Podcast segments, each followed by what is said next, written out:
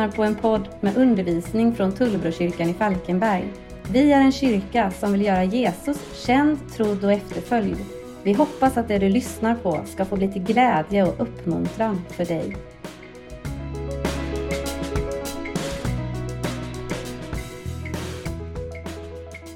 Idag så fortsätter vi en serie som handlar om Gud i oss.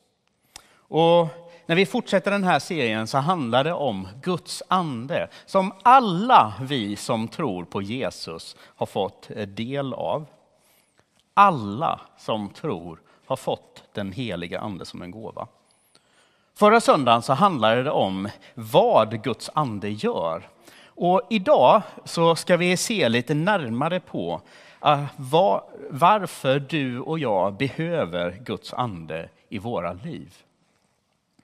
Kanske tillhör du då de som tänker att ja, men vadå, jag har ju Jesus. Är inte det nog? Skulle inte det räcka? Varför behöver jag Guds ande? Om det är din eh, fundering, din fråga, då hoppas jag att den här predikan idag ska hjälpa dig att se just hur nödvändig anden är för att vi ska kunna leva livet som Jesu efterföljare. Och den text som jag tänkte att vi skulle börja med att läsa idag, det är en bibeltext som vi återvänder till, som vi hade som eh, sändningsord i förra söndagens gudstjänst. Så leta gärna fram en bibel om du äger en och häng med när jag läser från Titus brev med start i det tredje kapitlet och vers 4. Och där står det följande.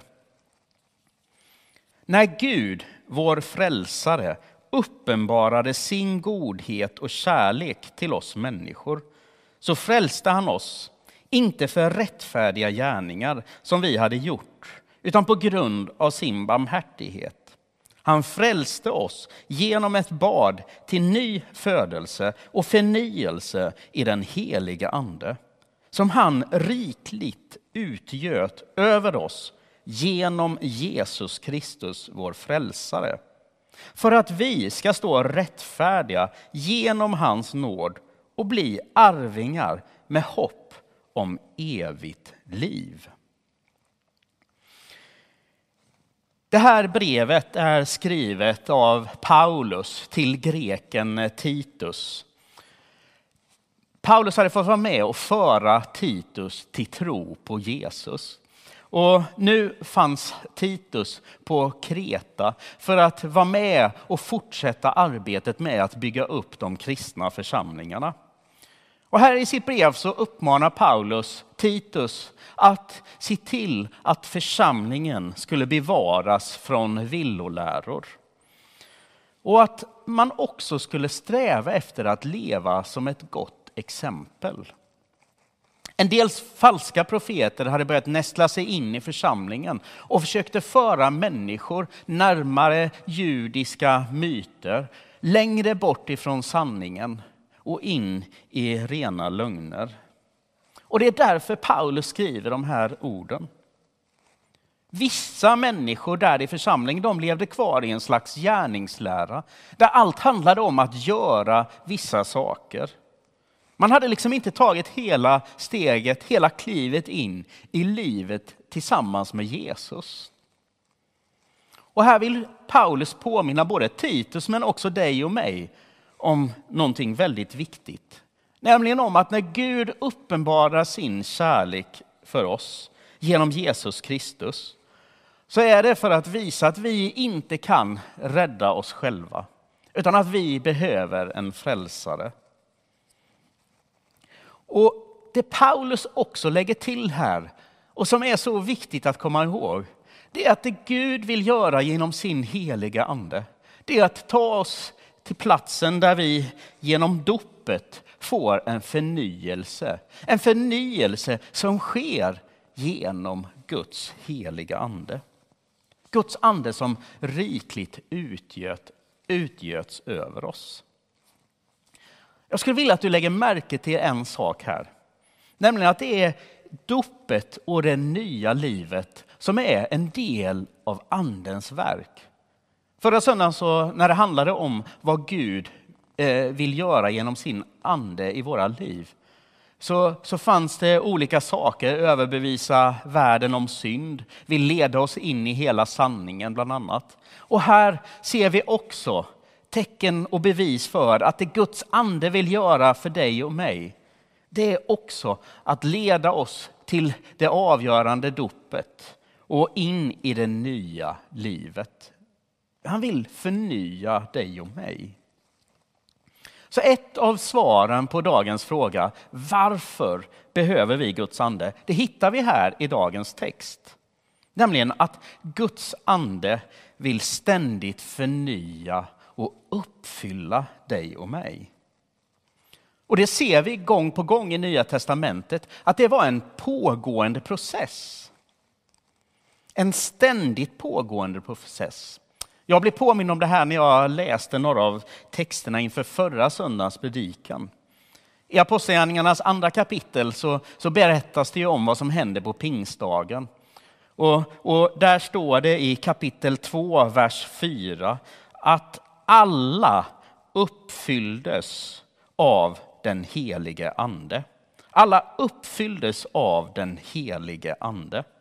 Och exakt två kapitel senare och några verser längre fram så berättas det om hur Petrus ställs tillsammans med Johannes till svars inför Stora rådet. De hade varit med och botat en man som var förlamad. Och Stora rådet gillade inte detta. Vi var inne på det förra veckan.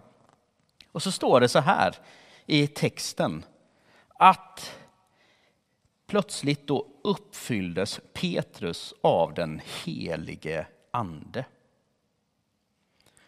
Än en gång så blir Petrus uppfylld av anden. Vi vet inte hur många dagar exakt som har gått från pingstdagens utgjutande tills dess att han inför Stora rådet på nytt blir uppfylld av anden.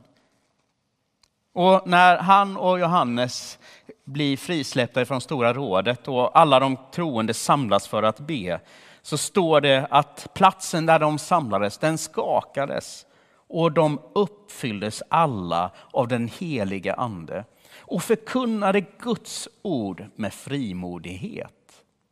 Alltså här min vän ser vi bevis på att ja, inte bara att Guds ande vill fylla oss och utrusta oss för att tjäna Gud. Här ser vi också bevis på att Guds ande vill fylla oss gång på gång. Det är liksom inte en engångsföreteelse. Du och jag, vi kan inte leva på gamla välsignelser, brukar vi säga ibland. Du kanske blev fylld på 60-talet. Ja, men det räcker inte därför att Guds ande vill gång på gång fylla dig och mig. Det är någonting som behöver ske regelbundet i våra liv. Och jag älskar hur Paulus uttrycker det här i texten. När han skriver om den helige ande som rikligt utgöts över oss. Rikligt. Här tycker jag att Bibel 2000 missar själva poängen i sin översättning när man talar om att anden strömmar över oss. Men det är som någonting som bara flyter förbi och sen var det över. Nej, men det Paulus gör här är att han anknyter till det som sker på pingstdagen och talar om hur generös Gud är. Och jag vet inte om du har tänkt på det, men när Gud gör saker, då håller han inte tillbaks. När han välsignar så gör han det med råge. När han ger någonting, då ger han helt och fullt. Johannes döparen han talar till exempel om att, att Gud ger anden utan begränsning. Gud ger anden utan begränsning. Och om det gällde Jesus så är jag helt och hållet övertygad om att det gäller även dig och mig. I Romarbrevets åttonde kapitel så läser vi om hur Paulus ställer en retorisk eh, fråga till oss. Och han skriver då att han som inte skonade sin egen son utan utlämnar honom för oss alla. Hur skulle han kunna annat än att också skänka oss allt med honom?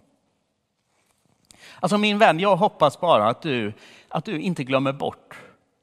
Alltså tvivla aldrig på hur gärna och hur mycket Gud vill utgjuta sin ande över dig. Han, han stänker inte lite här och lite där, eller det droppar inte lite. Han vill fullständigt genomsyra dig och mig med sin ande. Han vill utgjuta sin ande rikligt över oss, gång på gång igen. Jag vet inte om du någonstans hemma vid har ett eh, armband eller kanske en kaffemugg eller ett bokmärke eller någonting annat med de där fyra bokstäverna WWJD. d.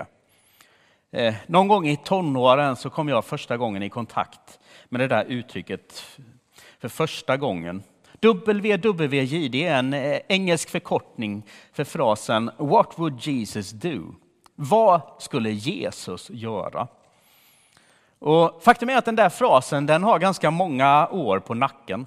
Redan år 1896 så publicerades en novell med undertiteln What would Jesus do? Så chansen är ganska stor att eh, den där boken finns i en bokhylla nära dig. För den såldes och har sålts i mer än 50 miljoner ex. Charles Monroe Sheldon som skrev den här boken, han, han tillhörde en, en rörelse, en evangelisk rörelse som betonade det sociala evangeliet. Det vill säga man ville använda den kristna etiken för att lösa problem i samhället. Till exempel ville man använda bergspredikans budskap för att vara med och förvandla samhället. Ja, jag tyckte det där var en riktigt schysst grej, det kommer jag ihåg. Jag hade ett sånt där blått armband med vit text på. Och att liksom hela tiden få leva vaket och ställa sig frågan, men vad skulle nu Jesus ha gjort? Det är ju fantastiskt bra, det är ju genialt. Och jag kommer ihåg att det undervisades ganska flitigt om den där frasen och att leva just så. Men det fanns faktiskt ett problem som jag ser lite så här i backspegeln. Jag och säkert många med mig, vi försökte att leva och göra det Jesus en gång hade gjort. Men många av oss gjorde det i egen kraft. Vi försökte vända andra kinden till. Vi försökte förlåta. Vi försökte vittna och dela tron på Jesus med andra människor. Men många av oss förstod inte att själva anledningen och orsaken till att Jesus kunde göra det, det var ju därför att han levde i en tajt, i en nära relation med Fadern och Sonens ande, med Guds ande. Och det är precis min vän vad Gud vill göra för dig och mig. Genom sin ande så får vi hjälp att leva det liv Jesus gjorde. Det är liksom ingenting som du och jag förväntas göra i egen kraft. Det är dömt att misslyckas. Vi kan inte leva det livet Jesus gjorde i oss själva. För det tjänar ju liksom ingenting till, om vi tar som exempel, att någon skulle komma till mig och ge mig Dostojevskijs Brott och straff, fantastisk bok. Och så skulle de säga, Henrik, nu ska du skriva en lika bra roman. Jag kan inte det. Dostojevskij kunde det, men jag kan det inte. Och det är ingen poäng med att någon egentligen visar mig hur Jesus levde för att sen säga att Henrik, nu ska du leva exakt det där livet. Därför att Jesus kunde göra det, men jag kan inte göra det i mig själv. Men om Dostojevskijs genialitet på något sätt skulle komma till mig, skulle flytta in i mig, bo i mig, så skulle jag kunna skriva Brott och straff 2. Och om Jesus ande skulle komma och bo i mig, ja, då skulle jag kunna leva ett liv som hans. Men själva poängen är att min vän, du och jag, vi kan inte leva Jesus liv och ta rygg på honom utan Guds andes hjälp. Vi som tror på Jesus, vi har fått den helige ande som en gåva. Och vi behöver honom verkligen. För utan anden ingen frukt, utan anden inga nådegåvor, utan anden ingen förnyelse av vårt gamla jag.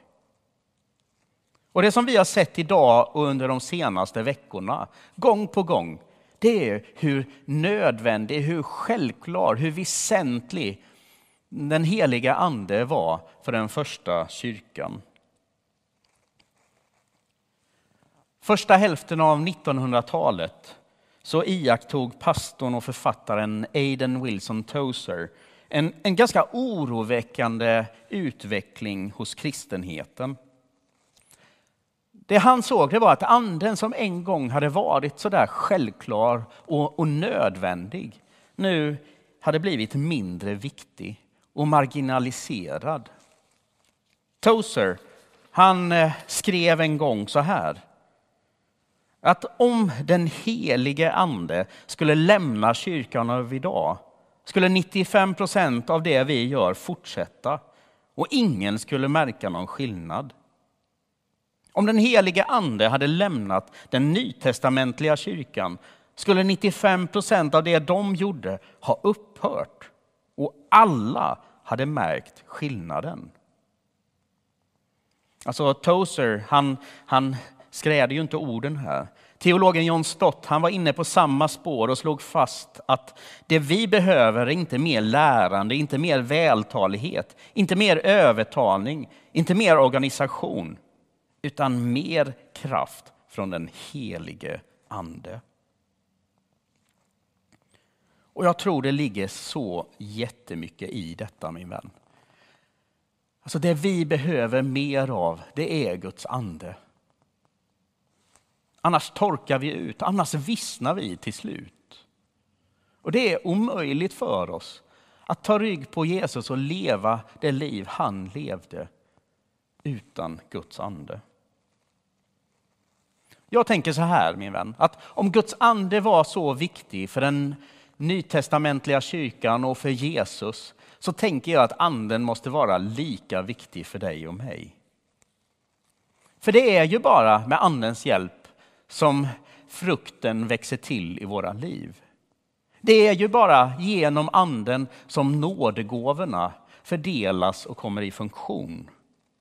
Det är ju liksom inte någon slump att vi talar om det som andens frukt och som andens gåvor. Jag ska alldeles strax runda av.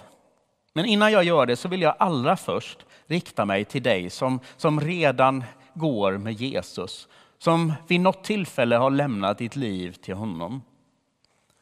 Jag skulle vilja eh, be att det här som vi har läst om idag, att det skulle få bli en påminnelse till dig och mig, till oss alla, om vårt enorma, ofantliga behov av Guds ande. För att vi ska kunna leva det liv som Jesus har satt oss för att leva. Vi har sett att Petrus inte bara blev uppfylld av anden en gång och sen var det inget mer. Utan tvärtom så blev han gång på gång fylld av anden. Ja, så hur blir vi då fyllda av Guds ande, du och jag? Jo, vi tar emot anden i tro. Precis som vi blir frälsta i tro så får vi också tro på att Gud ger oss av sin heliga ande. I Lukas evangeliet så säger Jesus följande. Finns det någon far bland er som ger sin son en orm när han ber om en fisk? Eller en skorpion när han ber om ett ägg? Om nu ni som är onda förstår att ge goda gåvor till era barn, hur mycket mer ska då inte er far i himmelen ge den helige Ande åt dem som ber honom? Du behöver aldrig någonsin tvivla på att Gud vill ge av sin heliga ande till dig. Det enda du och jag behöver göra det är att ständigt öppna upp oss, göra oss tillgängliga, mottagliga för att bli fyllda. Jag vet inte om du någonsin har reflekterat över det. Men när Jesus efter sin död och uppståndelse möter lärjungarna och han ger dem befallningen att de ska gå ut, att de ska vara hans vittnen, så ger han dem instruktionerna om att de skulle vänta där i staden tills de fick kraft ifrån höjden. Alltså när hela mänskligheten väntar på att få höra evangeliet, budskapet, vittnesbördet om Jesus Kristus, då är Jesus enkla instruktion till dem som skulle göra det där. Ja, men vänta kvar här. Vänta här tills ni har vad då? Jo, tills ni har fått Guds ande. Alltså gå inte ut och försök göra det här på egen hand, i egen kraft, på ert vis. Utan stanna här och vänta tills Guds ande fyller er. Då ska ni kunna göra stora ting. Då ska ni kunna åstadkomma något bestående. Men inte innan Guds ande har uppfyllt er. Alldeles strax så ska vi be tillsammans och, och jag skulle vilja uppmuntra dig som redan går med Jesus att stämma in i den bönen som vi ska be då. Att med egna ord be det vi ber om. Att få bli fyllda av Guds ande. Och till dig som ännu inte har lärt känna Jesus och som därmed inte heller får ta emot Guds ande som en hjälpare i ditt liv. Kom ihåg att du min vän, du är skapad för något mer.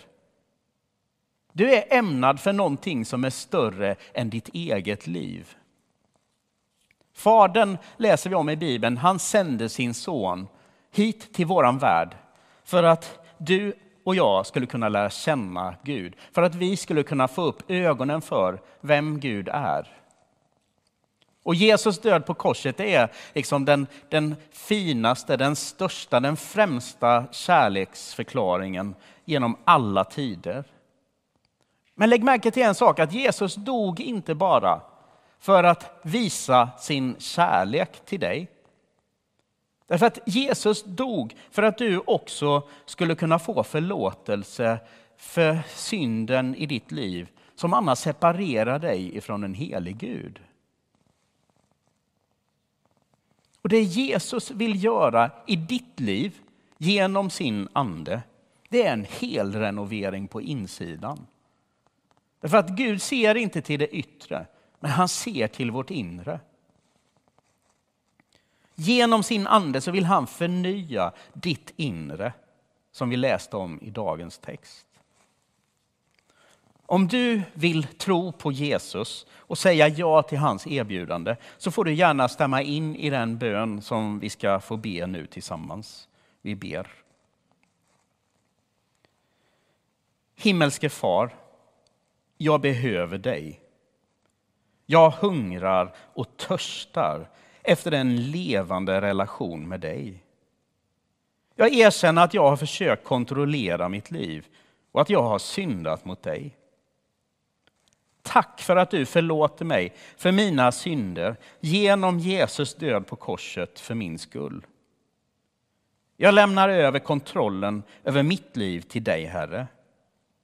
I tro ber jag att du nu ska fylla mig med din ande, min hjälpare. Amen. Herre, jag tackar dig för att den som bad den där bönen, Herre, som alldeles precis stämde in i de orden, Herre. Att du ska möta med varje människa som bad de där orden. Herre, jag tackar dig för att vi i tro på dig blir frälsta och att vi i tro på dig också får ta emot din heliga Ande, vår hjälpare. Och jag tackar dig Herre för att du inte har lagt på oss kravet att vi skulle leva perfekta liv. Att vi skulle leva som Jesus gjorde i oss själva. Det är en övermänsklig, omöjlig uppgift för oss. Men jag tackar dig också Herre för att du har gett oss din ande för att vi skulle kunna leva Jesu liv här på jorden. Jag tackar dig för att du har gett oss din ande för att uppfylla och förnya våra liv. För att frukten, för att andens frukt skulle få växa till och för att andens gåvor skulle få blomstra. I Jesu namn. Amen.